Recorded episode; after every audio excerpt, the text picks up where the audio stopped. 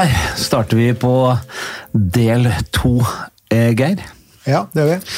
Fordi vi som vanlig, eh, kan vi nesten begynne å si nå eh, Du skal alltid skrelle en banan når vi starter del to. Ja, men nei, du, du kan prate, du nå. Skal Ja, skrelle den. skreller banan, du skreller og jeg prater. Skal du ha en bit? Ja takk. Da var jeg tuppen på Sånn. som jeg bruker å si. Nei, vi blei jo så lang eh, i del én at eh, vi bestemte at da skal vi ha en del to i dag også. Og eh, vi tar jo opp eh, begge disse to episodene på samme dag. Så vi trenger ikke å snakke noe nå heller om hvordan det har gått siden sist. eh, vi har hatt en fin pause, fått lufta ut i rommet, og er nå klare for del to. Vil du begynne, eller? Ja, nei, altså, begynne, begynne. Så det handler jo om eh, stress. Vi fikk jo den e-posten fra den damen som sto i en stressende livssituasjon. Eh, og visste at hun kom til å bli stående eh, i den over tid. Vi snakka jo litt eh, ja, Nå husker jeg ikke om det var før vi begynte å spille inn forrige episode, eller om, om det var i, i starten, men vi snakka litt om at folk er tøffe. Det var i poden. Det var det. Ok, så, ja, så det er, det, Og det er et poeng som man kan nesten kan nesten si det sånn at som art, da, så er vi lagd for å tåle påkjenninger. Hvis ikke vi hadde tålt det, så hadde vi jo bukka under. Sa ikke du engang at det er ingen andre dyr som klarer å omstille seg så mye som oss? Ja, jeg sa det kanskje med litt andre ord.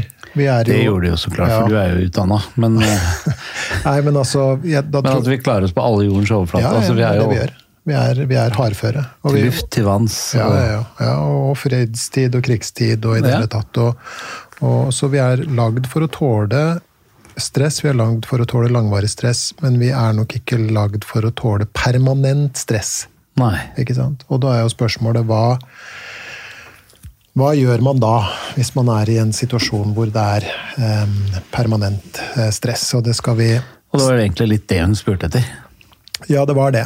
Eh, For det er jo noe med at hvis, du, hvis hver eneste dag eh, både oppleves og av og til håndteres som en sånn sammenhengende krise, så øker sjansene for, og som vi sa i forrige episode også, det betyr ikke at du får det, men at, at sjansene er til stede i større grad for å utvikle en del eh, plager som følge av eh, nær konstant eh, aktivering av dette eh, kamp- eller fluktsystemet. Da, da kan vi f.eks. Uh, økt infeksjonstendens, eh, høyt blodtrykk, andre hjerte-karsykdommer, angst, depresjon, diabetes type 2, grått hår, rynker, ser sliten ut osv. Vi snakka jo litt om hvordan, i forrige episode om hvordan Eh, En del politikere annet ser eldre ut enn alderen skulle tilsi.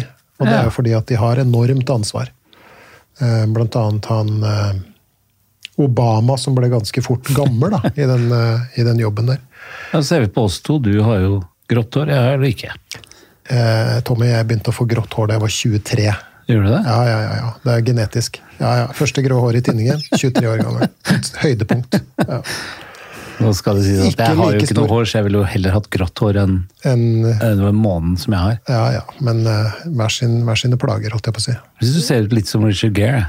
Å ja, vi er der, ja. Og igjen, det er bra at det ikke, at det ikke er noe kameraer her. Og det skal vi heller ikke ha. Nei, men deg så skyldes det ikke stress, for du var ikke stressa når du var 23. Jo, det var vel det, men det skyldes ikke stress, nei. Jeg har, jeg har dårlige gener fra min far. Ja. Han er særdeles eh, grå, men han har en manke av en annen verden, så jeg får aldri noen måned. Det skal jeg bare fortelle deg med en gang. Men det er ikke det vi skulle snakke om. Hør nå. Hør, nå. hør, hør på det her. Obama ble gammel for tida. Um, ja, man skal ikke snakke stygt om folk, men Stoltenberg Nei, det var ikke noe sånn mirakelkur for, eh, for Han som han er langt oppe i 50-åra, han. da. Ja, han, han gjør det. Han gjør det. Vet du hvilke andre som blir gamle før tida? Laks. Hva? Mhm. Laks blir gamle før tida. Så her er greia.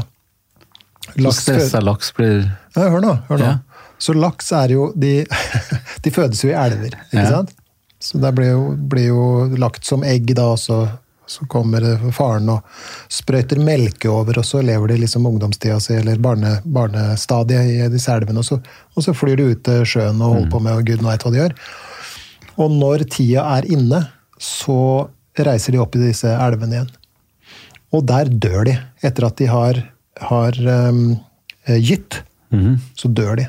Seriøst? Og det du finner eh, hvis du obdus, obduserer den laksen som er oppi elvene og, og, gyter og har dødd av, eh, av stress, så finner du blant annet um, uh, magesår og, og uh, hva heter det, nyresykdom.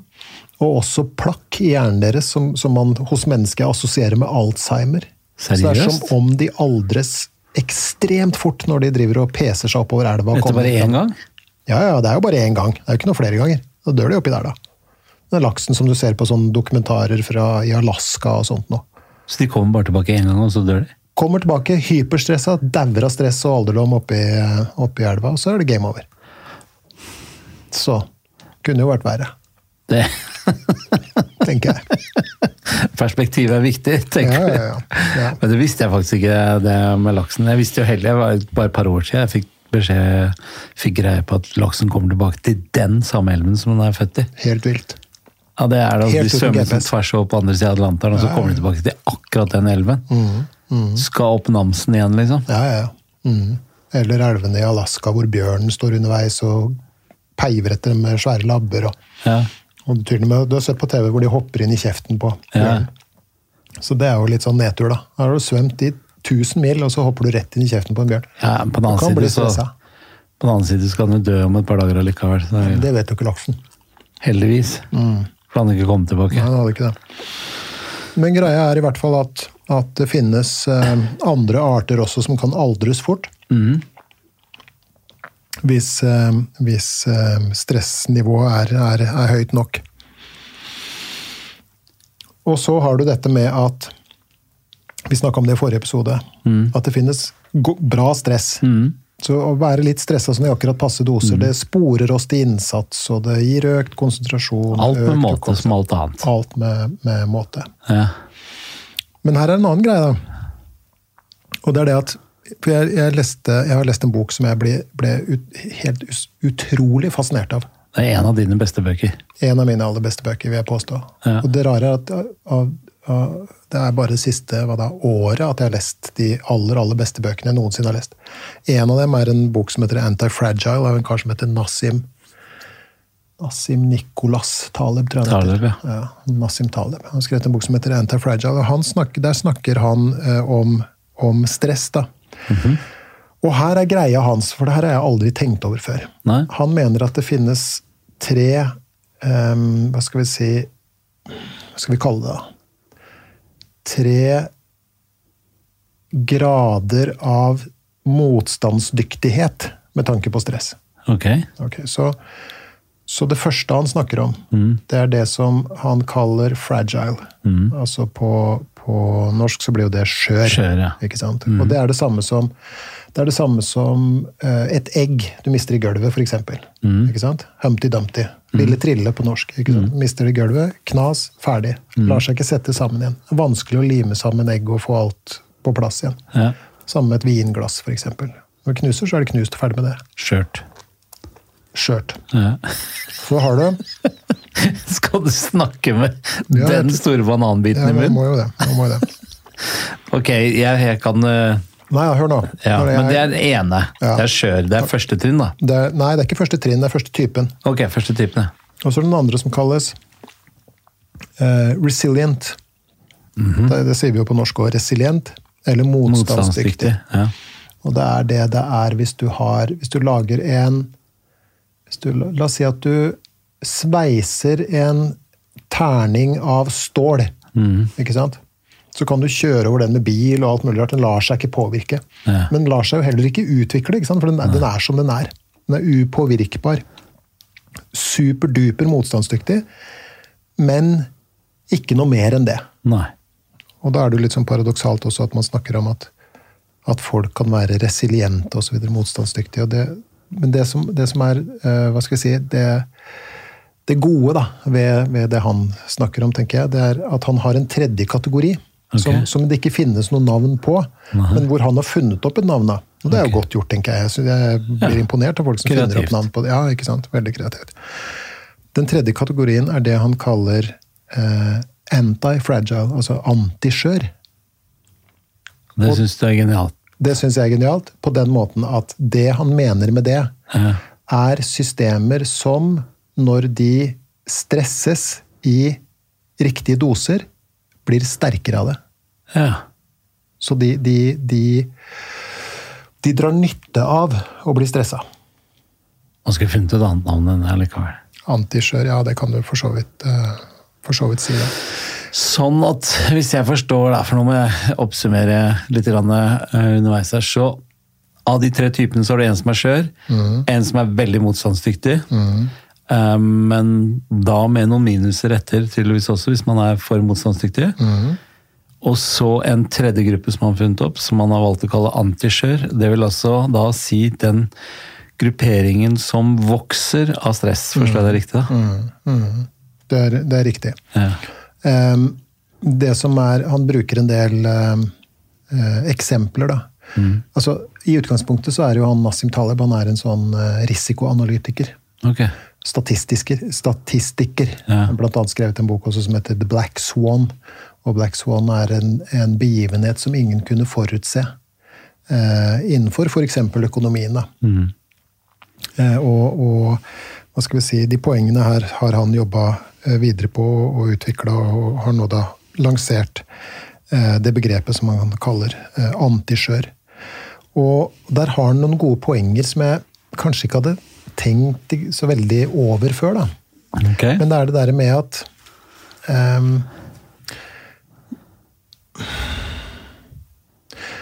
For eksempel um, hvis du skal trene styrke. Ikke sant? Skal trene i sånn helsestudio. Hva er lurt å gjøre? Er det lurt å uh, løfte så lett du kan, for det er så fælt å bli sliten? Og så resten av tida så setter du deg ned og tar selfies og sender meldinger og, og sånt noe? Eller er det lurt er veldig opplagt svar på det her, altså? Nei, jeg syns ikke det er ledende i det hele tatt. Nei, ikke sant? Nei. Eller skal du gradvis løfte tyngre til tross for ubehaget? Ja. Ikke sant? Og, og hvis du da velger det siste, da, så vil du over tid utvikle styrke. Så med andre ord så er jo vår fysiske styrke, den er også antiskjør. Den, den ehm, Den Hva heter det?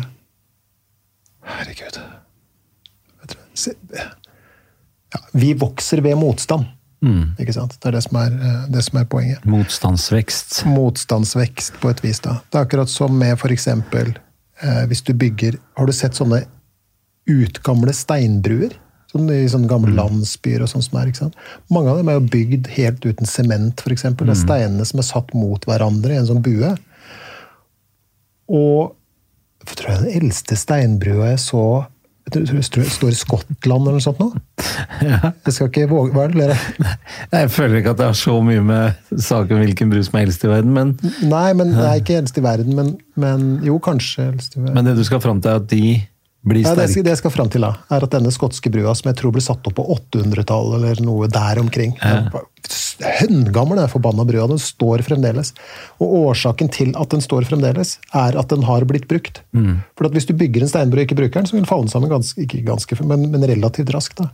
Men dess mer du bruker en steinbru, dess mer du belaster den, dess sterkere vil den bli, og mer, eh, den vil tåle mer og mer. da. Sånn er mye fjellklatringsutstyr basert på. Jaha, Jo større belastning, desto mer motstandsdyktig er den. sier du det? Ja, ikke. Kiler og sånn som de setter inn, sånn at jo mer du drar og drar i den, desto større motstand Ja, er det. Sånn, altså. mer tåler den, liksom. Ja, bedre sitter den, og så videre.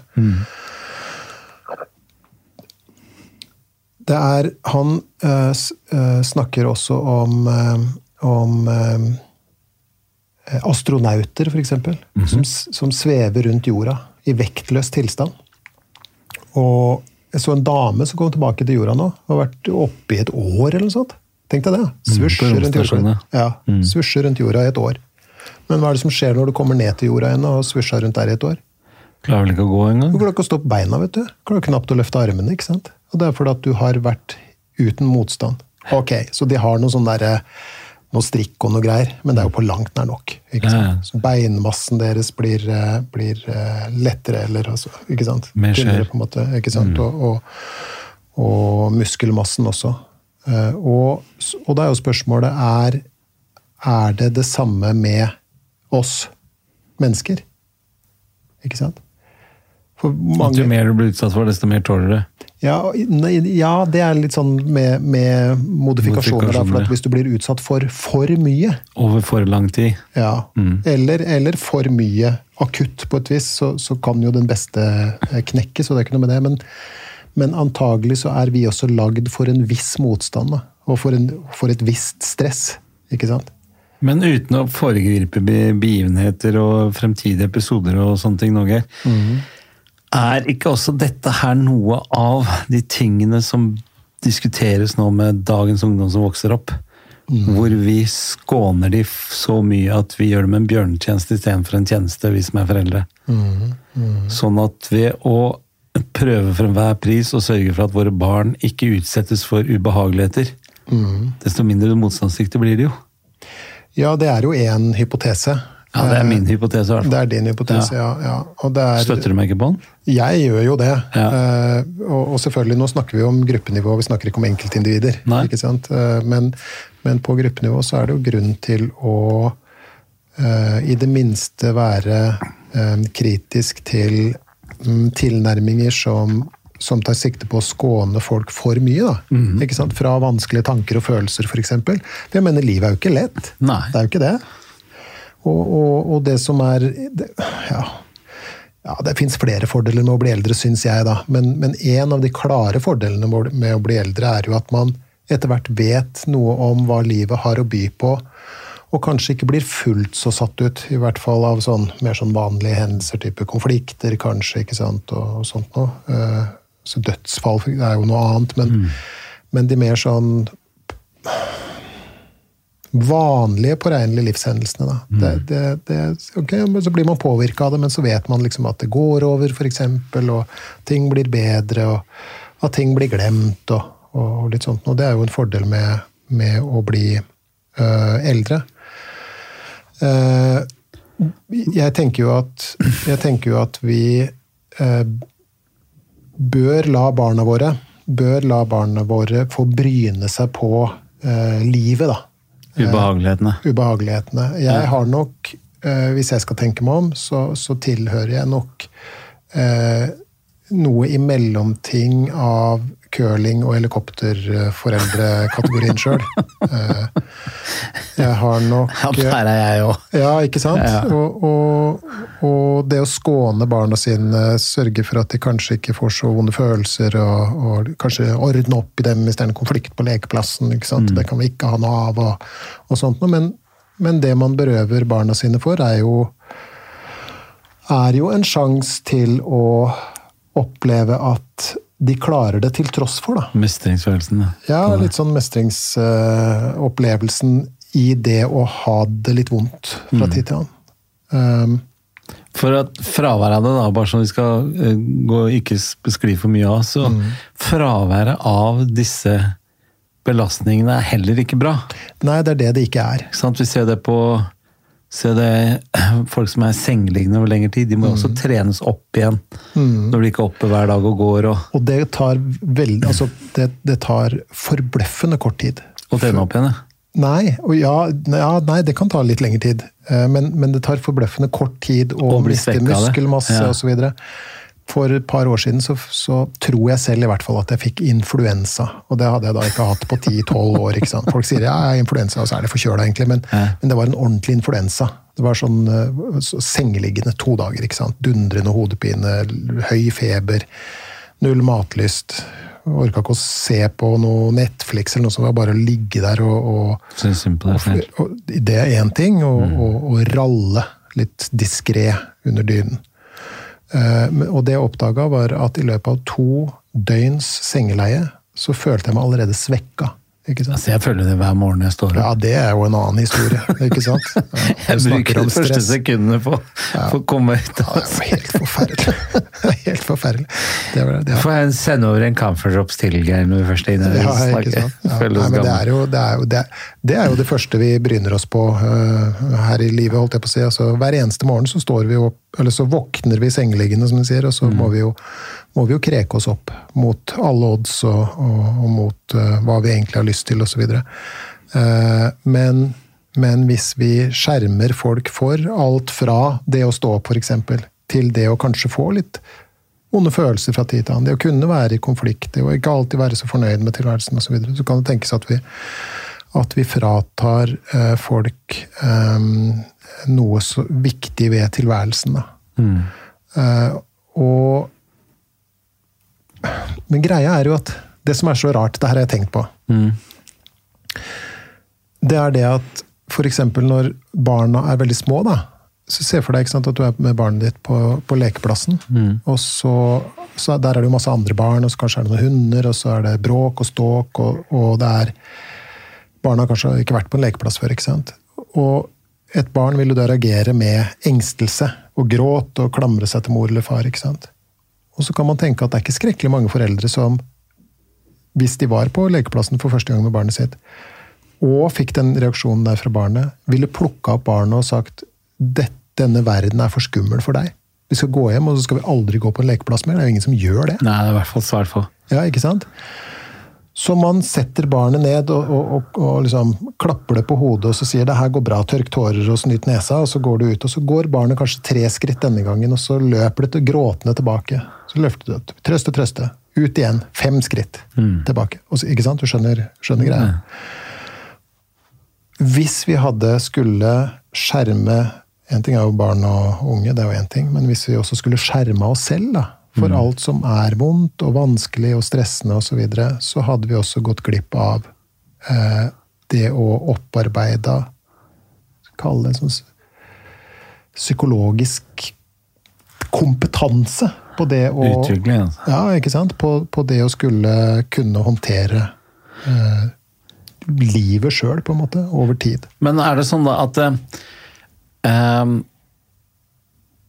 For å liksom sp- spore inn på det, så Det at vi utsettes for noe stress og press, er jo bra til et visst punkt. Og jo mer vi utsettes for det i ja, Kall det riktige doser, da, så misforstå meg rett. Men i riktige doser så blir vi sterkere og sterkere av det. Men så er det jo en krysningspunkt der sånn, som du også snakket om. For hvis man blir utsatt for det over for lang tid, eller i for stor mengde, så eh, går det inn og ødelegger for oss. Mm, det kan gjøre det, ja. Det kan gjøre. Du kan bli gråhåra, du kan stoppe veksten og, og, og det du snakket om tidligere. Men det er jo akkurat det krysningspunktet der som er litt vanskelig. Det er jo derfor vi har så mange som ja, møte veggen, gå på en smell. Fordi at man tyner og tyner og tyner de grensene, og kanskje ikke tar de advarslene som vi har snakket om snart til det kjedsommelige, om meg og min smell. ikke sant? At jeg ikke tok signalene. At jeg ikke tok de hensynene. At jeg ikke tenkte sånn ok, nå er det her, men nå må du ta et skritt tilbake, Tommy. Nå må du ikke utsette deg for mer. nå må du, ikke sant? De tegna tok jeg ikke.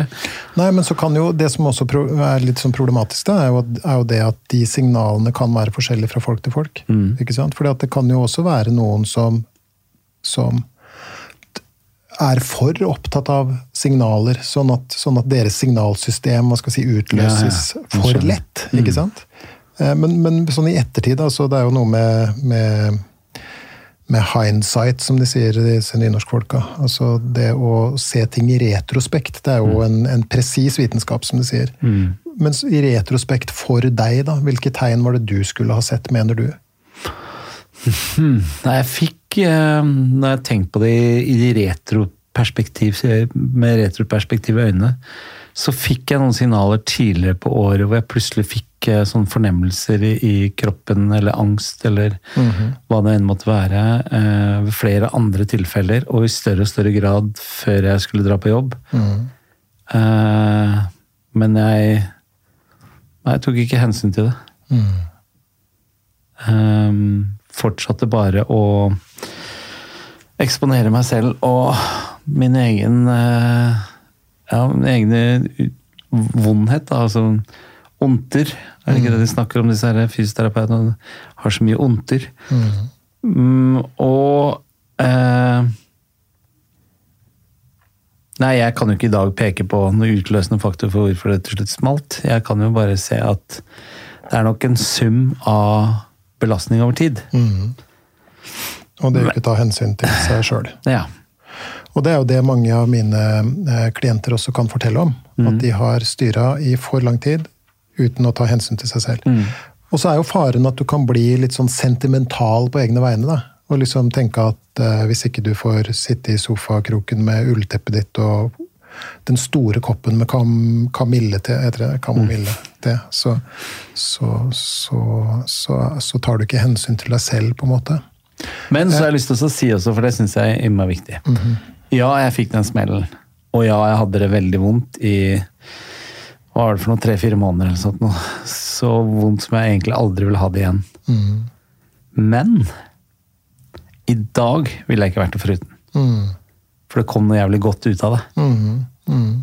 Så jeg opplevde da en traumatisk uh, hendelse, liksom. For det var jo traumatisk å plutselig være redd for absolutt alt og ikke ville turte ikke å gå ut av sofaen. Men jeg tror ikke jeg hadde kommet dit vi er i dag hvis ikke det hadde skjedd. Ikke hadde jeg møtt deg, ikke hadde jeg sendt deg mail, ikke hadde jeg lest boka, ikke hadde jeg laget forestillingen. Så for meg så ble det sånn Det ble ikke posttraumatisk stress, sånn, øh, fordi det kan komme gode ting ut av Jeg husker hun Hva het hun som var leder for Innovasjon Norge? Hun Anita Krogen Anita Krogh Traaseth. Jeg husker hun kom ut med en bok som het 'Godt nok for de svina'. Som jeg var på boklanseringen av. Og hun snakket om at hun hadde opplevd noe som het posttraumatisk vekst.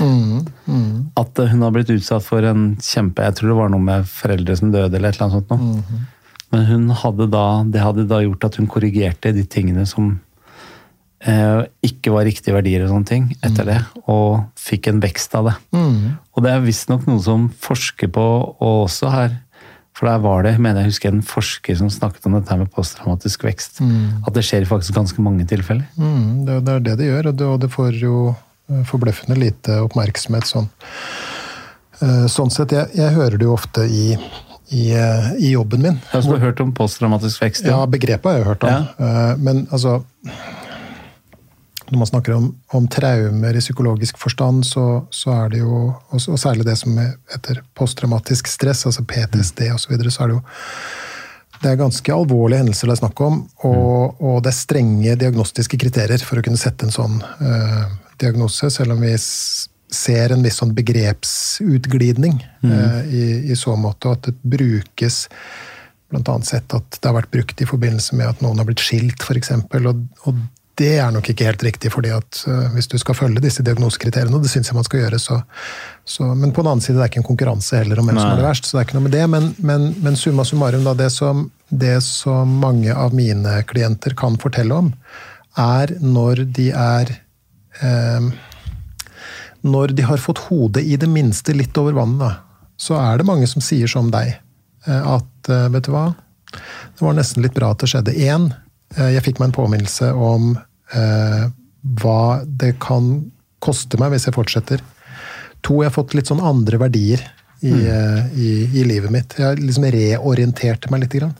Og, så, så det passer jo godt med, med Det var det med meg, ja. Ja, ikke sant? Veldig. Eh, Ikke sant? Eh, Så, så mange, mange eh, deler din opplevelse og sier at det, det de, er, de er nesten litt sånn glad for at det, at det skjedde.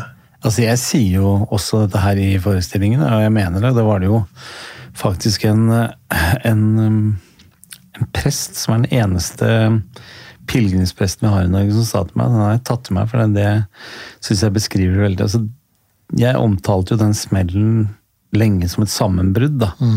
Et type nervesammenbrudd eller en kollaps eller ja, et sammenbrudd. Jeg følte liksom at hele verden raste for meg. Eh, mens med tanke på hva jeg gjorde for å komme ut av det, og hva det har ført til i dag, tre år etterpå, så er jo hovedpoenget i forestillingen at det var ikke et sammenbrudd jeg opplevde, men et gjennombrudd. Og sånn føles det, det litt for meg, uten at noen av de som, som hører på nå, skal tro at jeg tar lett på noe av det. Men jeg måtte gjennom en korrigering i livet mitt for å ikke gå på i hvert fall den størrelsen smellen flere ganger. Jeg kommer sikkert til å gå på noen smeller. uh, men, så det er ikke det jeg sier, men jeg tror kanskje at jeg er bitte lite litt mer forberedt på det nå. Så, jeg, så det er ikke sikkert den vedvarer så lenge. Man blir jo ofte litt sånn, uh, misforstå meg rett, klokere etter Ja. den type ting. Jeg har jo jeg har jo, Det her vet jo du alt om, eh, og vi har jo snakka om det i tidligere episoder også. Jeg er jo ehm, Jeg er jo en ganske privat person, ikke sant? Og, og jeg syns ikke det er noe sånn hyperkult med noe, noe oppmerksomhet og sånt. Når jeg aldri feira runddager, ikke sant. Har Nei, aldri vi får se, da, vet du. ja, ja. Men, eh, men Til nå, mener du? Ja, Ja. morsomt. Men, eh, men så, så i forbindelse med Altså når vi eksempel da eh, Hvis jeg er til stede på showene, ikke sant. Mm. Vi spiller inn det her. Jeg er jo inne i, i Oslo. Jeg kjører fra Oslo til eller fra Tønsberg til Oslo mm. og tilbake igjen sånn annenhver uke cirka. Vi prøvde oss på hver tredje uke, men det viste seg at eh, å spille inn tre episoder var kanskje litt rett. Eh, men jeg, jeg, jeg kan jo, i og med at jeg jobber med det jeg gjør òg, så kan jeg bli, tidvis bli litt sånn paranoid. På sånn Er jeg egentlig stressa? For, for det at mange av mine eh, klienter også kan si, for eksempel, er sånn der jeg, eh, Jeg så ikke veggen komme. Nei. Og så ble jeg sånn Hæ? Åssen er det mulig, liksom? Ikke sant? Men, og, så, og, og da ble jeg litt sånn paranoid sjøl. Så tenker jeg sånn «Ja, Kanskje jeg er på vei mot veggen. Mm, nå skal du se. Det, er, ja, det blir nok en smell snart, eller noe sånt. Og, men det jeg bestemte meg for, da, er at så lenge jeg har så lenge jeg prioriterer ting som eh, hva skal vi si, ikke bare koster meg noe, Ja. ikke sant? Eh, så er jeg liksom home safe. Mm. Så hvis jeg da har tid til å trene, noe, som, noe jeg liker veldig godt, eh, og jeg har tid til den derre ettermiddagshvilen på sofaen Jeg begynner tross alt å bli litt sånn lett middelaldrende. Da tenker jeg innafor. For hvis jeg da eh, greier å skape meg noen sånne små rom inni alt tidvis alt styret, da, eh, som jo er veldig gøy. Og, men det er jo det som mange rapporterer også. Ja, den kule jobben og reklamebyrået ja, gud veit hva de sier da, men, men så kan de si sånn herre eh, Alt var liksom så moro, da. Så pang, så smalt det. ikke sant? Og det er jo et godt eksempel på at selv såkalte positive ting. Jeg er liksom ikke så glad i det positivsbegrepet, men, men, men, men selv det kan liksom koste krefter. Og da er vi inne på en, et, kanskje det aller, aller beste tipset, eller læresetninga, eller kall det hva du vil, og som jeg har fått sånn med tanke på livet, og det å regulere seg selv. Okay. Og det er følgende setning. Og det gjelder både kvinner og menn, som jeg nå bruker ordet han. Ja. ikke sant? En god soldat hviler når han kan. God soldat hviler når han kan. Hva betyr det? Jo, du skal stå i striden. Du skal, og du er lagd for, å tåle en trøkk. Ja. Men i det øyeblikket sjansen byr seg på å få en pause, eller ta en pause, så skal du gjøre det. Ja. Ikke sant? Og det er, det er kanskje første delen av et slags svar til den eh, dama som sendte oss denne mailen, om at ja, du står i pyton-ting. Eh, Du vil stå i det lenge. Det som da, En av de tingene som kan være viktig, er å ta hvileskjær når anledningen byr seg. Og det leder meg inn på en annen, en annen litt sånn eh, livsfilosofisk eh, setning òg, da. Som, som eh, det er mulig vi har nevnt tidligere, men som passer veldig godt i den sammenhengen her. Og det er den, den eh, livsfilosofien du får helt gratis hver eneste gang du sitter i et fly. Og denne gangen ikke et SAS-fly. Men i Norwegian, for eksempel, eh, så, eh, så sier eh, kabinpersonalet ta på din egen maske før du hjelper andre. Ja. Og det er pinadø. Det høres jo, det høres jo nesten ut som en floskel etter hvert, men det er sant.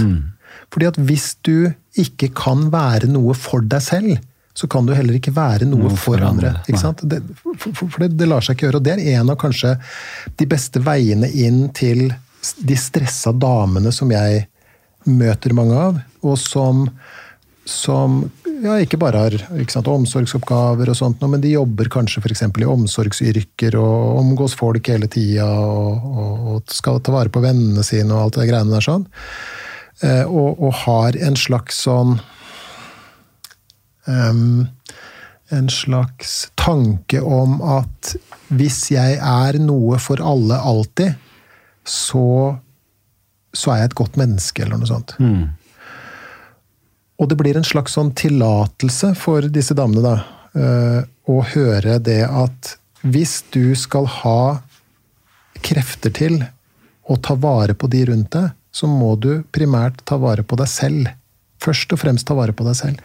Og da, da, da mener jeg det ikke i en sånn sentimental sammenheng, ikke sant? Hvor du liksom skal ligge litt sånn øh, hva skal vi kalle det, hva, hva, heter det når du henger på korset omtrent som en annen martyr, ikke sant, borti sofakroken og tar vare på deg selv, er ikke det jeg sier, men, men du skal være bevisst på at, at hvis du skal øse av ditt overflødighetshorn, så må du liksom fylle på et sted, da. Men der føler jeg at eh, Kan jeg bare snakke ut ifra hun som jeg bor sammen med? Der føler jeg at de damene er blitt litt flinkere til det.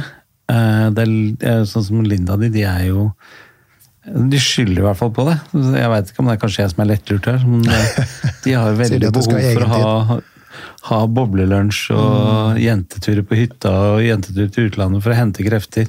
Ja. Det jeg synes er påfallende, at når de kommer hjem fra disse turene, så er de mer slitne enn de noen gang har vært før de tror.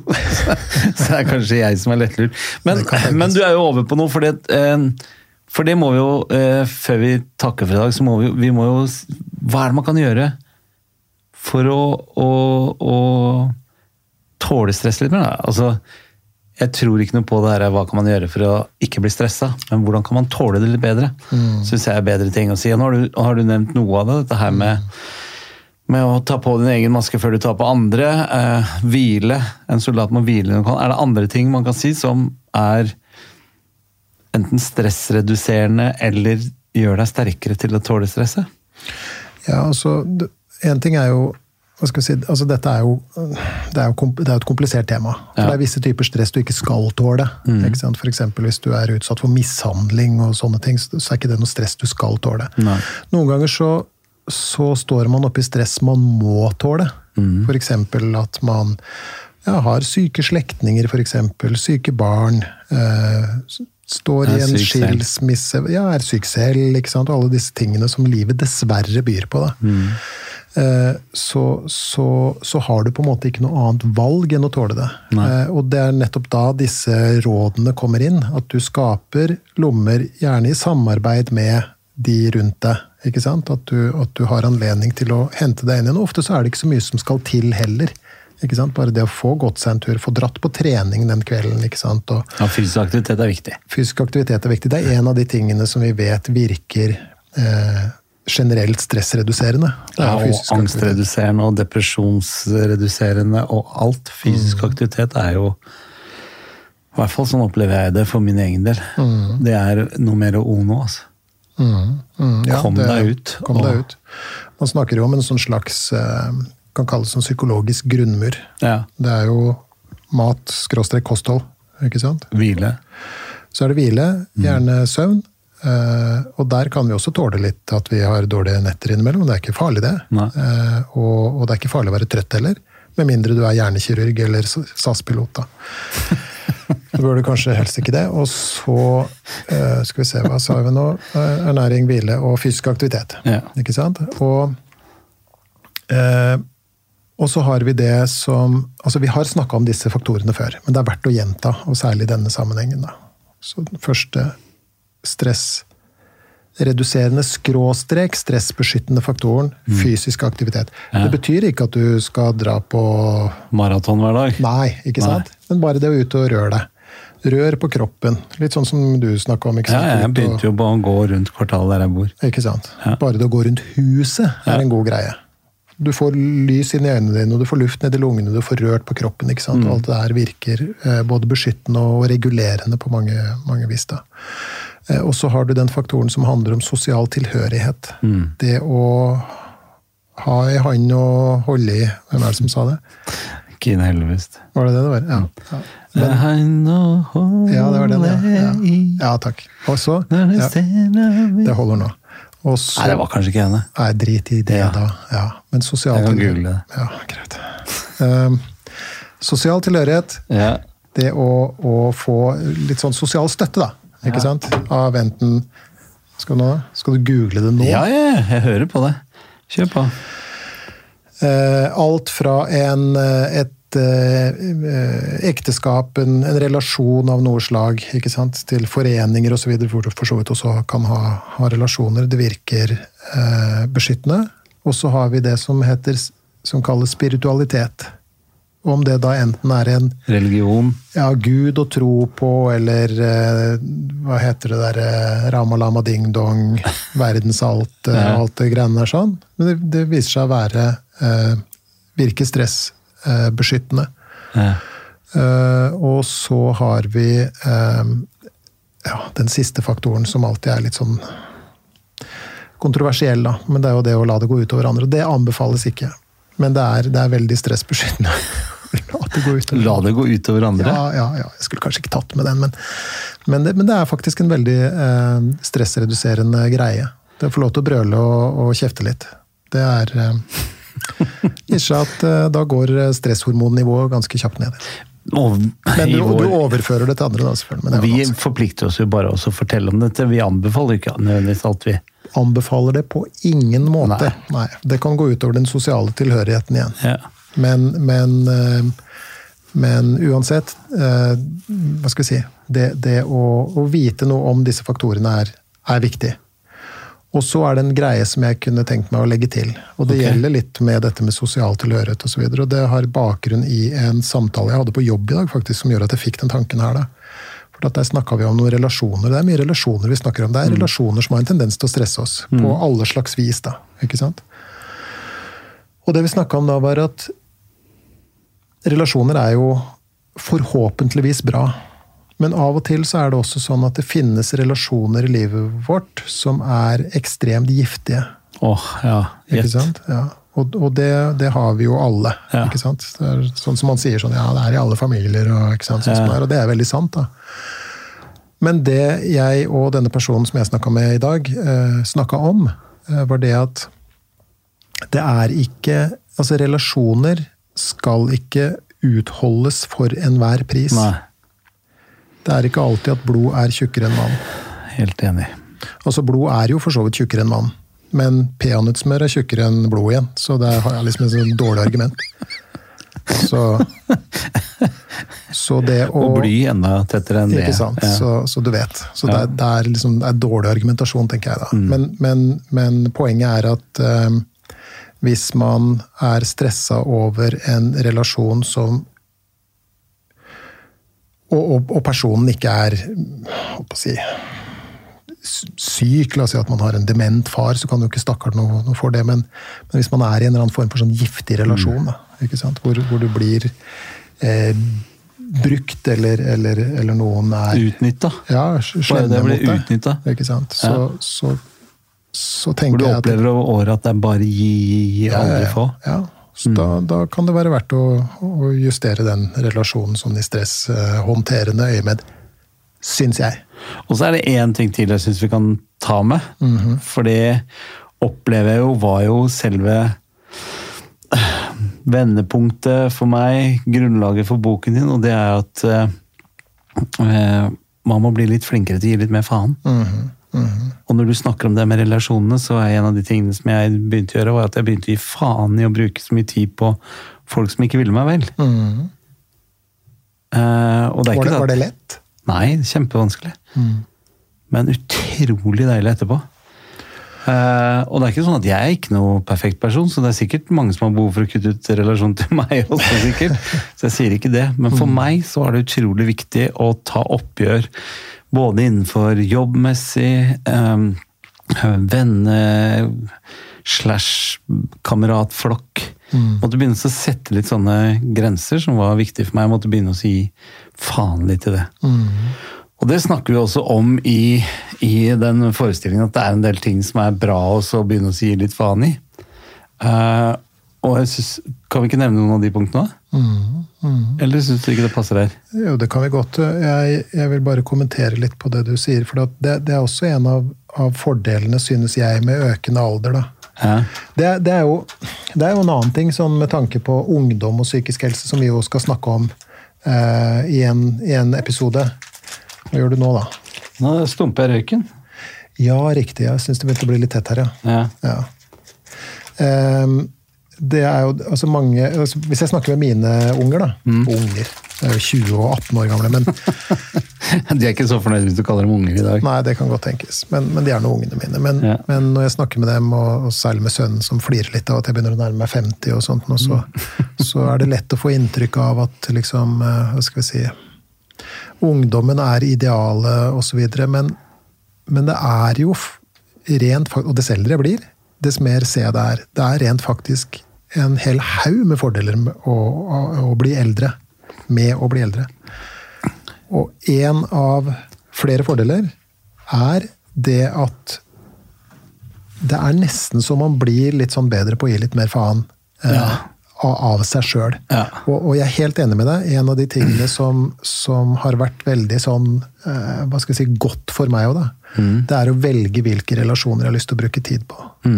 Så folk som koster meg krefter det, det, Jeg har en tendens til å, å la de relasjonene få lov til å seile sin egen sjø, på en måte. Hvis jeg kan, selvfølgelig. Ikke sant? Hvis det er min demente bestefar, så gjør jeg selvfølgelig ikke det. nei, nei. nei. Det er, ikke- men det er ikke det, er ikke det, jeg tenker på heller. Nei, nei, nei. Jeg tenker på at det fins mange der ute som, som suger og tapper deg for energi. Ja, ja, ja. ja. ja Eh, og det kan godt tenkes at det er summen av det forholdet mellom dere to. Ja, det er jo Ikke sant? Ja, ja, ja. ja. Det er ikke noe sånn at det, er bare hans skyld. Men du, jeg har eh, skrevet en liste her, eller det er jo strengt tatt du som har skrevet en liste her, eh, med noen punkter som vi jo bruker også i forestillingen vår. vår.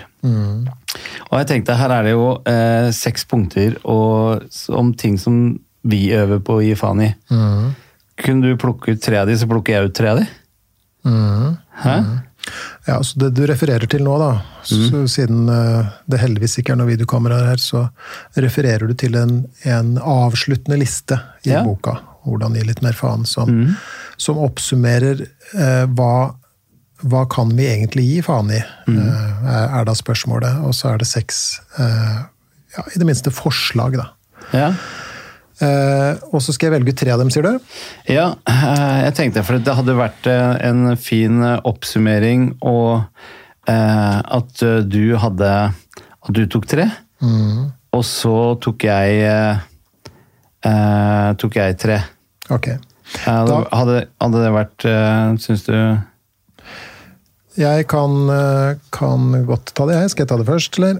Jeg har laga her sånn, så eh, Vær så god. Der vil det stå G. Å ja, Så så jeg får ikke velge sjøl? Fordi jeg kan ikke så mye om de tingene som det, som det du kan. Så ta den første, da. Hmm. Skal jeg gi kommentarer til det òg, eller? Det må du gjerne få lov å gjøre. Ja. Mm, punkt én. Å sammenligne oss med andre i den tro at alle har det så mye bedre enn oss. Ikke sammenligne ditt eget indre med andre sittere. Det er kloke ord. Ja, det er det. Hvilken kommentar vil du ha til det? Altså Det vi sier her nå, kjære lyttere, er jo at øh, vi alle har godt av å kunne gi litt mer faen i og sammenligne oss med andre. Det kommer det sjelden noe godt ut av. Ja. Eh, Og så har man jo den der ulykksalige tendensen til å sammenligne seg Det er litt sånn som du sa en eller annen gang. Du sa at, eh, at eh, vi sammenligner jo oss oppover. Eh, Og det blir vi jo vi, vi, Da kommer jo Altså, det er den beste måten å alltid komme til kort på. Ja. Er jo å sammenligne seg med folk som Tilsynelatende Tilsynelatende. Og, og du- har det bedre enn deg selv. ja, og vi som har levd en stund, vi vet jo også at det er ikke sånn det er. Nei. Bak fasadene på den der Volvo XC90 og huset i Holmenkollen, så kan det være like mye angst og, og sorg og, og, elendighet som andre steder. Ja. Så sa du også noe om at hvis man sammenligner seg nedover med Mm. folk som har det verre, så er man passe psykopatisk. Så, så det er jo greit nok. Ja, for jeg mente jo det, jeg, jo, jeg sa det en gang, jeg sier det i forestillinger, så sier jeg det at eh, hva- altså det er ikke på noe som helst tidspunkt at jeg kan tjene på å sammenligne meg med andre som har det annerledes enn meg selv, tilsynelatende. Jeg har, hvis jeg sammenligner meg med de som tilsynelatende har det bedre, så føler jeg meg verre sjøl. Og hvis jeg sammenligner meg med de som tilsynelatende har det verre enn meg, så skal jeg være bra gæren oppi huet mitt for at det skal gjøre meg godt. Mm, det er godt poeng. Så punkt nummer to. Å tro at symptomfrihet er normalt, det er det ikke. Og det må du utprøve, for det, det er noe av det første jeg gjorde at jeg trøkket deg til mitt bryst. Uff a meg, fikk jeg vonde bilder inn i hodet mitt. Nei, litt men sånn svett du- følelse på det ene kinnet. Det er et godt trent bryst. Ja, du har fine bryster. Det skal du ha. Bryst, ikke Bry- bryster. Å, unnskyld, ja, bryst. Ja. Ja, Uh, ja uh, utdype det. Altså, um, alle har jo nervesystemer, Mm. og alle har levde liv. Og da har vi en tendens til å, å, å få symptomer. Ikke sant? Å gå rundt med, med uro og nedstemthet. og alle er vi sjalu, og alle er vi misunnelige, og alle blir vi skuffa, og alle Ikke sant? Eh, Og alle tenker og føler helt likt. Det er en av de gode bivirkningene ved den jobben jeg har. Jeg vet at alle mennesker, uansett om du bor i Holmenkollen eller om du bor på Kløfta, ikke at det er noe store, men du skjønner hva jeg mener. ikke sant? Ja. Så uansett hvor du bor, og hva du er, og hva du driver med, og, og, og, og hvor du er i si, systemet og sånt noe.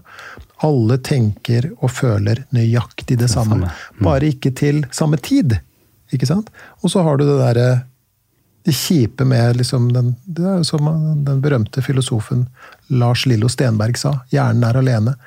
Det vil si at Hjerner er jo isolert inne i den beinkassa og har ikke tilgang til hvordan andre tenker, føler og, og tror og mener og synes. Og sånt. Og, så, og det gjør at vi av og til kan trekke konklusjonen at andre har det bedre enn oss. Og dess yngre man er, dess lettere er det å trekke den konklusjonen. fordi at mange ganger så har du ikke levd lenge nok og har ikke den erfaringa som skal til for å rent faktisk forstå at uansett hvem du er og hva du driver med, og hvordan du Hvor rolig du ser ut på utsida, så, så har du akkurat de samme tankene og følelsene som all, absolutt alle andre. Det er også en god bivirkning ved å bli litt Det var mye lengre svar enn det jeg fikk første gangen. Ok. Det var eh, Det jeg leiter etter, sånn er når du sier at eh, For du snakka om Verdens helseorganisasjon og definisjonen på det å være frisk og Ja, sånt ja, ja, ja, Eh, Og altså, symptomfrihet er ikke lik med å være frisk. Nei. Det er riktig. Eh, Og det syns jeg er utrolig deilig å tenke på at noen ganger så har du det ikke bra, andre ganger så har du det veldig bra, og begge deler er like normalt. Ja. Og det gjelder både toppen og kroppen. Ja. Så, så jeg tror det var Hva var det for noe, da? 96 eller 97% av befolkninga har hatt en eller annen helseplage i løpet av bare den siste måneden. ja. Og sånn er det. Og da syns jeg det henger sammen med det neste punktet også, det er med å søke evig balanse og egen, evig positivitet, som du også snakker om. Det lykkemaset, det lykkejaget, Ja. det tror jeg stresser mange av oss. ja. Så vi kan Og hva prøve- er da? Hva er lykke? Ja, lykke er jo en eh, veldig eh, kort og flyktig følelse som du, hvis du er heldig, kan oppleve noen ytterst få ganger. Eh, og hvis du skal gå rundt og jage etter akkurat den følelsen, så har du et problem. Vet du hva jeg Og dessuten, hør nå her da, Ja. dessuten da, hvis du skulle hatt den følelsen veldig mye, så ville du jo fått blitt, altså det man på psykologisk kaller habituert til den. Det, blitt, det er det som hadde blitt normen. Hva skulle du da streba etter, på en måte? Nei? Så du, du, du må ikke du må ikke gå rundt og strebe etter å ha en bestemt følelse inni deg. Eller fraværet av en følelse. Nei, for, da, sant. for, det, det lar seg ikke gjøre. Det er akkurat som det, det folk snakker om, eh, det de kaller motivasjon. Ikke sant? Det er også en følelse. Mm. Og hvis du tror at du skal være motivert til enhver tid, ja, da har du et kjempeproblem. Mm. Så når du, står opp om, når du våkner om morgenen, så er du antagelig ikke motivert for å stå opp. Men du gjør det likevel. Ikke sant? Da, det vil da si at du tar i bruk det som kalles disiplin, og det er noe helt annet. Det, er, det, er, det er det du tar i bruk for å gjøre ting du kanskje ikke engang har lyst til. Så, så lykke, motivasjon osv. Jesus Christ, la det ligge. Vet du hva jeg eh, Og ikke les selvhjelpsbøker, jeg bare sier det. Nei. Pui. Fysj! Ja. Selv ikke min bok. Ikke les! Men vet du, hvis jeg skulle, hvis noen skulle spurt meg hva jeg anser som lykke, så er det mange definasjoner på det, og jeg vet ikke om dette her er noen som har lært meg en gang, men det er i hvert fall noe som jeg anser som For meg er lykke, da. Og det må ikke du begynne å svette og rødme og sånn før du har hørt det nå. Men for meg så er det å telle stunder. Eh, Sånn at jeg er blitt mye flinkere nå de siste to-tre årene til å sette pris på akkurat den stunden, sånn som, sånn som vi to sitter her nå sammen og lager podkast, som vi begge to er interessert i, og temaer som vi begge to brenner litt for. Det er for meg en stund. At jeg får lov å være med på dette her nå, det er en stund. At jeg skal hjem til Linda etterpå nå, og hun har helt sikkert laga noen god middag, eller sånt, nå skal vi sitte og spise middag sammen og diskutere hennes dag og min dag, det er en stund. Men I morgen skal vi på Flammen sammen. Helt utsolgt, har vært utsolgt over en uke. Min datter skal overraskende bli med oss og synge en sang der sånn. Det blir en stund. Så, så for meg så er det det er det, det er det eneste jeg er opptatt av som å lykke. Veldig klokt. Veldig vakkert. På grensen til rørende. Og jeg tror jeg skal få produsenten til å legge på noe sånn fiolinmusikk i bakgrunnen her. Jeg tror det har vært veldig fint. Okay. Din jævla dust. Din jævla dust. Din du har sånne stunder, du òg. Jeg veit vel, jeg ringte deg på lørdag og sitter der med Ture i sofaen. Ost og vin og rødvin. Nei, ost og kjeks og rødvin. Ja. Det, er, det er en stund for deg. Ja ja, ok da. Hadde du ikke litt lykkefølelse, da? Ja, lykkefølelse. Ja, tilfredshet, vil jeg si. Ja, ja. Tilfredshet er Potato, et Potato, godt tomato.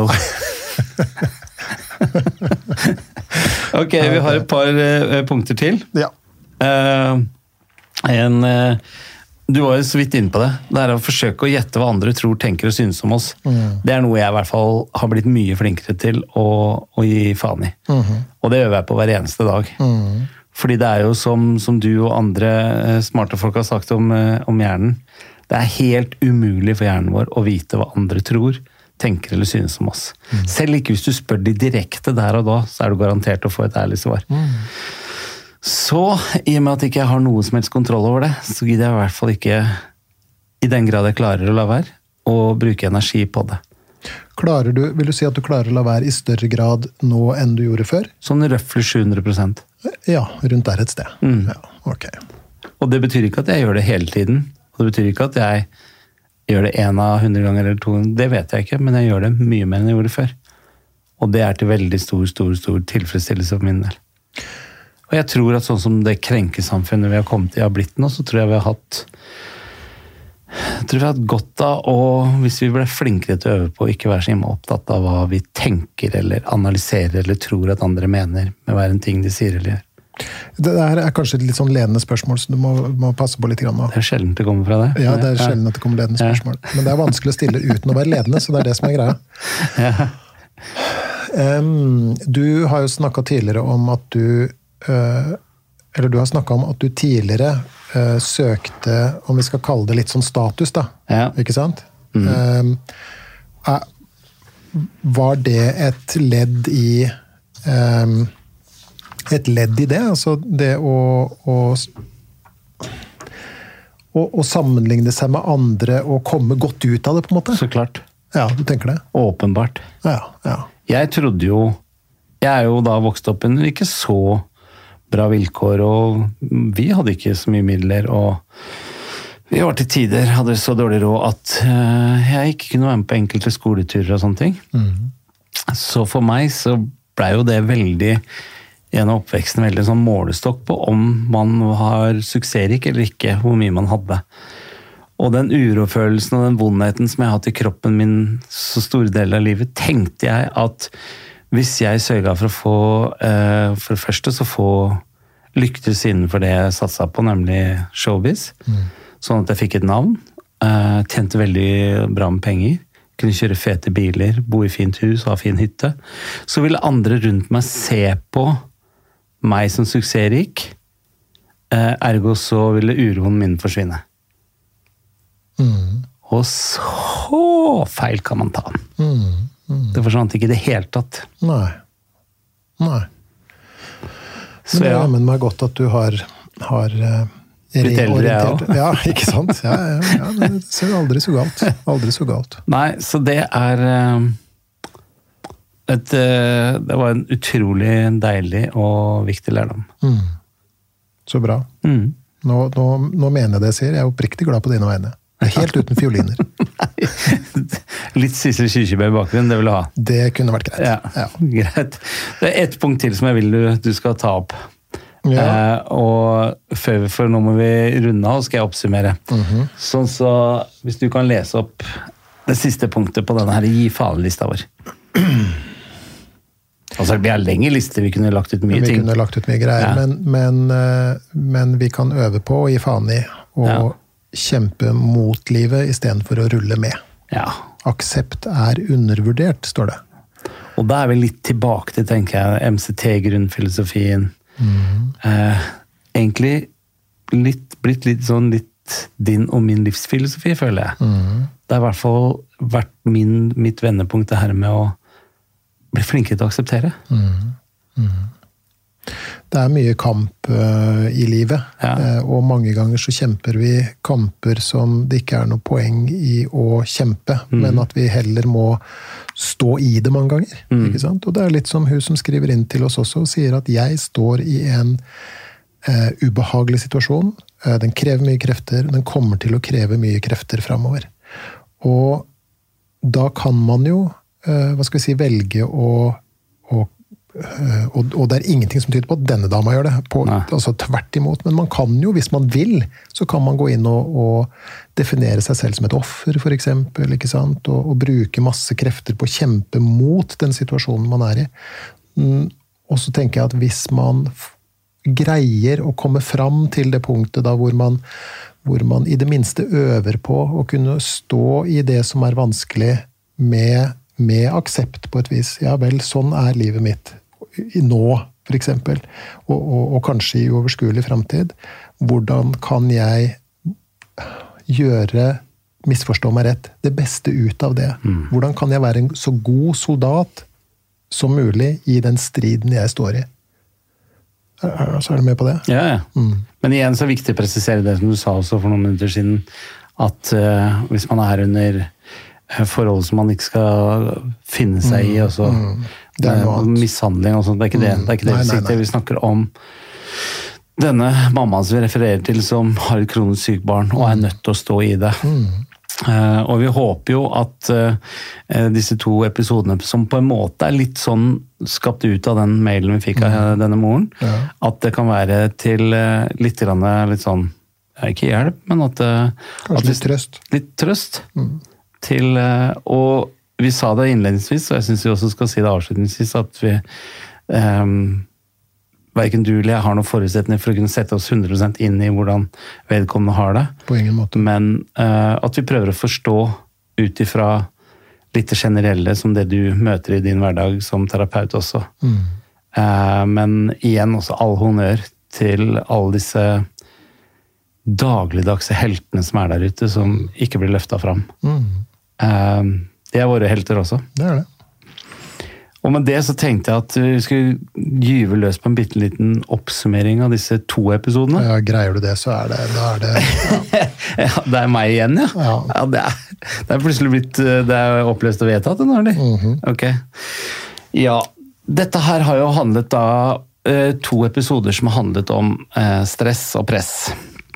Um, og um, for å kort prøve å oppsummere dette, sånn, så er det jo slik at eh, stress og press er noe vi alle mennesker utsettes for. eh, I større eller mindre grad hver eneste dag. Eh, Stress gjør jo eh, noe med oss, kan gjøre noe med oss. Det er viktig legge til kan, for husker jeg du sa. Eh, hvis det er for stort eller for vedvarende for lenge, eh, så kan stress gi utslag i, i sykdommer, i form av hjerte-karsykdommer og andre sykdommer som snakket om. Man kan eldes fortere. Eh, vi har også, du nevnte også eksempler ved barn som utsettes for ekstremt stress, press i veldig ung alder. Det kan hemme eh, utviklingen deres, altså hemme veksten. Eh, så stress er jo i stort sett grad noe som eh, påvirker oss negativt hvis det vedvarer for lenge. Kan påvirke oss negativt hvis det vedvarer for lenge eller i for stor grad. Eh, noe som er fantastisk med oss mennesker, er at vi er utrolig eh, tilpasningsdyktige. Så det viser seg også med all forskning og all erfaring som man har opparbeidet seg med, at hvis vi utsettes for stress i, innenfor eh, normale doser i større og større grad, så tåler vi mer og mer. Og det er eh, beundringsverdig å se hvor ekstremt mye vi mennesker tåler. Det er allikevel noe man kan gjøre som er stressreduserende. Og det var en triangel du nevnte der, Geir, som var fysisk aktivitet, sosial tilhørighet, og det tredje var ja, Nå er jeg litt, litt uh, usikker på om du mener vet, den derre grunnmuren eller Ja, den derre du, du, nevnte det. Du sa uh, uh, Jeg har det her på arket, for jeg noterte det, for jeg syns det var så kult. Fysisk aktivitet, ja. Sosial tilhørighet og spiritualitet, ja, var det du sa. Mm. Det at man har noe å, å tro på. Så sosial tilhørighet og en hann å holde i. Og da er det veldig påklagelig at enkelte programledere i denne podkasten sier at det var Kine Hellebuss, når det er så klart Jørn Hoel som okay. som hadde den sangen. Mm. Um, og ikke minst avslutningsvis så hadde vi også en oppramsing over flere ting som man kan øve seg på å bli flinkere til å gi faen i. Mm. For det viser seg også er stressreduserende. Det er mange ting som er stressreduserende. ene tingen vi nevnte skal vi ikke anbefale i hele tatt, det er å la det gå utover noen andre. Mm. Men eh, til syvende og sist så er jo stalltipset fra herr Vigtilon Steine, som i veldig mange av de andre episodene, at um, det er en del av det å leve. Slutt også å kjempe imot absolutt alt til enhver tid. Heller akseptere det i større grad. Uh, så vil du lettere kunne tåle stress. Og så var vi en liten snartur innom å snakke om at vi er begge to et sted mellom curling og helikopterforeldre. Mm. Eh, som har gjort at barna våre er litt mindre motstandsdyktige. Og det skal du og jeg dra hjem nå etter opptaket og gjøre noe med. Jeg skal, eh, jeg skal ha vaska begge bilene og garasjene, kommer, men det skal min sønn stå for. Ja, okay. jeg, må, tillegge, altså. Det er godt oppsummert. Ja. Tusen hjertelig takk. Jeg vil, oppsummeringsmessig så vil jeg eh, tillegge en eller to ting. Ja. Det ene er er man en soldat i den kampen livet kan være, mm. så skal man hvile når man kan. Eh, og det andre er eh, ta på din egen maske før du hjelper andre. Høres ut som en floskel, men er Gudsens sanning. Ta vare på deg selv. Mm. Avslutningsvis vil jeg si om mine barn at, eh, at, det var sånn tidligere. Det er ikke sånn lenger. Nei, så klart. Så de begynner å, å, å komme seg. Kan jeg få lov til å avslutte med en historie? Eh, Kom igjen, da. Det var et veldig ledende spørsmål igjen. Ja, men altså, det. det. er jo et uh, ærlig åpent spørsmål. Få høre en historie til slutt. Okay. Her er historien. Ja, og etter det så må du si hvor de kan kontakte oss. Ok. Sånn, sånn apropos barn, da. Som mm. et slags sånn Ja, det, jeg har jo tross alt uh, fått uh, tilnavnet, eller gitt meg selv tilnavnet Geir fra Nasaret, så her kommer en historie om Milo fra Crotone. Okay. Som viser seg, for det her har jeg sjekka, jeg har nemlig vært på verdensatlaset. Eh, Crotone er en by i Italia under skosålen. Liksom foran hæren, og så under skosålen. Der ligger Crotone. og der, der er et sånt uh, sagn, eller en fabel, om en uh, kar som het uh, Milo. Mm -hmm. Og det Milo gjorde, var at han fikk tak i en nyfødt kalv. Og hver eneste dag så drev Milo og løfta på den der kalven. Hver søkkende dag. Løfta kalven opp og ned, ikke sant? over hodet sånn. Styrkemessig. Ja. Greia var jo at Kalver har jo en tendens til å vokse. Og etter en, eh, en, viss tidsperiode, nå skal ikke jeg si noe om kalvers vekstrate osv., men etter en, en, gitt tid så sto Milo og løfta en voksen okse over hodet. Wow. Ikke sant? Og det er et eh, godt eksempel på dette med å, å eh, At vi kan komme styrka ut av eh, det å utsettes for stress-belastninger over tid. I de rette dosene, og selvfølgelig ikke til bristepunktet. Hva tenker du om det? Syns du den var fin? Den var veldig rørende. Ja, du syns det, du? Ja. ja. Vet du om den oksen het Ferdinand også? Det er jeg usikker på. jeg er usikker på det. Ok. Og så glemte du det fantastiske ordet posttraumatisk vekst. da. Posttraumatisk vekst. Ja. Det Men det var nok om, om stress og press for denne gang. Hvor skal de kontakte oss hen? Vi er på sosiale medier, både Ja. Instagram og Facebook. Der går det an å, å, å oppsøke oss. Både hvordan gi litt mer faen, som er, er Facebook-sida og Instagram-sida til eh, boka. og- Boki? Boki. Og så har vi Gi litt mer faen, som er eh, Facebook- og Instagram-sidene til showet. showet. Ja. Og hvis noen vil oss noe, ris, ros, forslag til temaer, eh, innspill, kommentarer osv., så, videre, eh, så kan de sende oss en e-post på gi litt mer f at gmail.com. Gi litt mer f. Krøbelsnaf. Eh, gmail.com. Og så vil vi gjerne at eh, du som liker det Blir du litt trøtt nå? Nei, det er bare helt utrolig at du ikke klarer det. Ja, men altså, eh, du som liker det du hører på, du må gjerne sladre til andre om oss. Du Ja. har hørt en eh, ålreit podkast med to raringer. Og, og abonner og, og spre eh, ordet om oss. Da blir vi veldig glad. For vi håper jo at vi snakker om, om sånn noenlunde fornuftige ting, i hvert fall.